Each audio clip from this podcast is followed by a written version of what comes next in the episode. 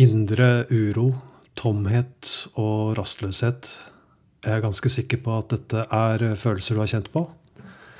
Jeg gjør i hvert fall det. Stadig vekk, eh, egentlig.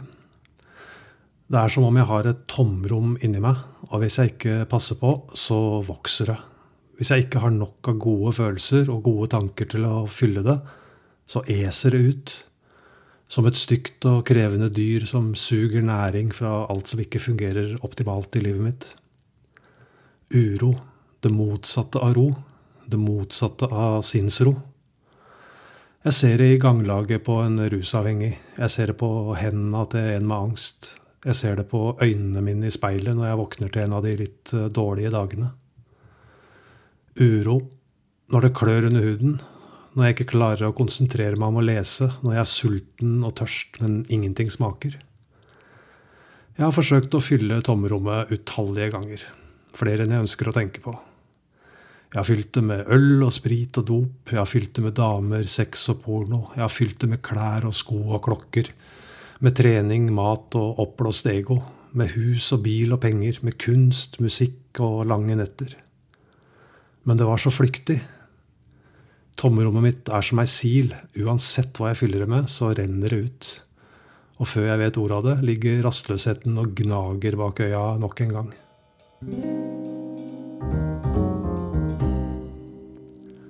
Hei, jeg heter Alexander, og jeg er rastløs.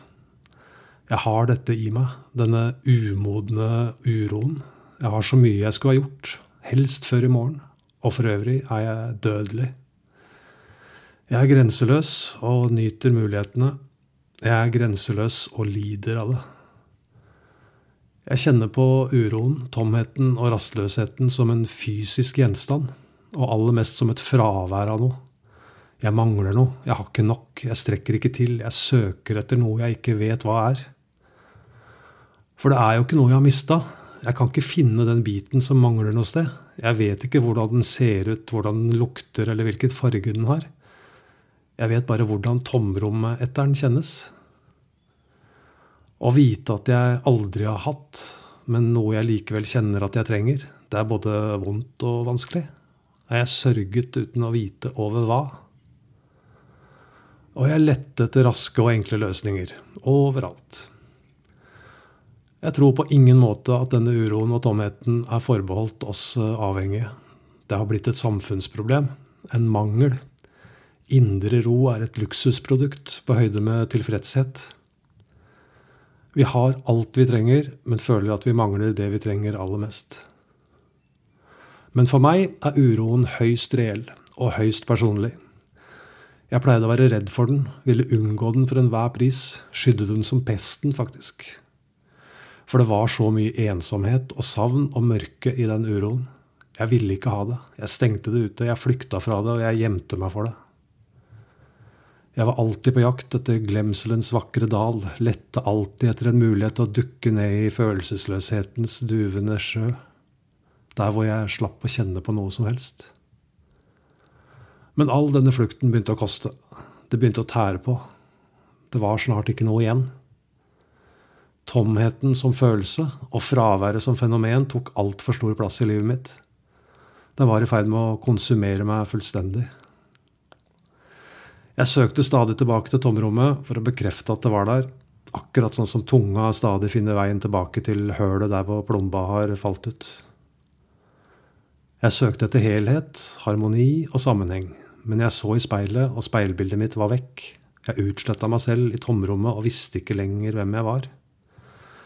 Og sånn kunne det bare ikke fortsette. Først trodde jeg at jeg måtte finne tilbake. Tilbake til den jeg en gang var, men etter hvert forsto jeg at jeg aldri hadde vært det jeg ønska å være. Det var bare enda en blindvei. Det var frykten for tomrommet som var problemet. Ubehaget jeg følte, og som jeg hele tida flykta fra. Det som gjorde at jeg ikke klarte å stå i følelsene mine. Jeg orka ikke å virkelig kjenne på dem. Akkurat som jeg kava med armene for å holde balansen når jeg holdt på å falle, akkurat sånn kava jeg innvendig for å døyve tomheten. Men hva om jeg bare lot det stå til, da? Om jeg bare lot meg falle? Hva om jeg bare tillot meg selv å miste kontrollen, falle bakover i tomheten, kjenne det kile i magen uten å forsøke å ta meg for, uten å bekymre meg for hvor det skulle ende? Jeg begynte etter hvert å forstå at det var mye jeg skulle lære. Det handla ikke om å finne tilbake, det handla om å finne frem til den jeg var meningen skulle bli. Og på veien dit måtte jeg lære meg å tåle tomheten. Jeg måtte bli venn med uroen, jeg måtte lære å bruke rastløsheten til noe, som fremdrift. Jeg måtte lære å sitte stille med meg sjøl, akseptere savn og trene meg til å være rolig. Jeg måtte finne noe som var større enn meg sjøl, noe jeg kunne stole på, noe jeg kunne overlate til, noe jeg kunne be om hjelp fra, og noe jeg kunne finne trøst, håp og tillit i. Og et eller annet sted der ute, in the middle of nowhere, der begynte jeg å finne meg sjøl. Og jeg slutta å stritte imot. Jeg slutta å slåss og slutta å flykte. Og akkurat sånn som fysisk smerte er lettere å tåle når du slapper av i musklene, akkurat sånn ble tomheten lettere å bære når jeg slappet av i jaget etter å slippe den. Sakte, men sikkert så lærte jeg å like den. Litt etter litt lærte jeg å bruke den som en guide til steder inni meg sjøl hvor det var eh, ting jeg tidligere ikke hadde vært i stand til å se. Jeg begynte å forstå at alt jeg hadde lett etter, fantes der inne, bare jeg tok meg tid til å leite. Det var mange illusjoner som brast på veien. Det var mange sannheter som måtte bøte med livet. Det var mange meninger og oppfatninger som uh, måtte frem i lyset. Og jeg innså til slutt at både uro og tomrom var noe jeg hadde konstruert sjøl, og at jeg derfor også var i stand til å endre på det. Hvis jeg bare var villig til å slippe inn litt lys og litt kjærlighet, litt eh, glede og tilstedeværelse, litt tro og litt tillit, litt tilgivelse og takknemlighet. Jeg kan fortsatt kjenne på uro, men det er ikke lenger eh, ubehagelig. Jeg kan fortsatt kjenne på rastløshet, men nå vet jeg at jeg bare kan bevege meg. Jeg kan fortsatt føle meg tom, men nå vet jeg at jeg bare trenger å fylle på med litt kjærlighet og omtanke. Alt det jaget etter eksterne løsninger på mine interne problemer har blitt snudd på hodet. Nå vet jeg at svara ligger på innsiden. Og hvis jeg ikke har funnet dem, har jeg bare ikke vært god nok på å leite eller ikke tålmodig nok til at de har tredd fram fra skyggene. I dag vet jeg at takknemligheten for det jeg har, kan overskygge behovet for det jeg føler at jeg trenger. I dag vet jeg at jo flinkere jeg er til å se hva jeg har, jo mindre trenger jeg.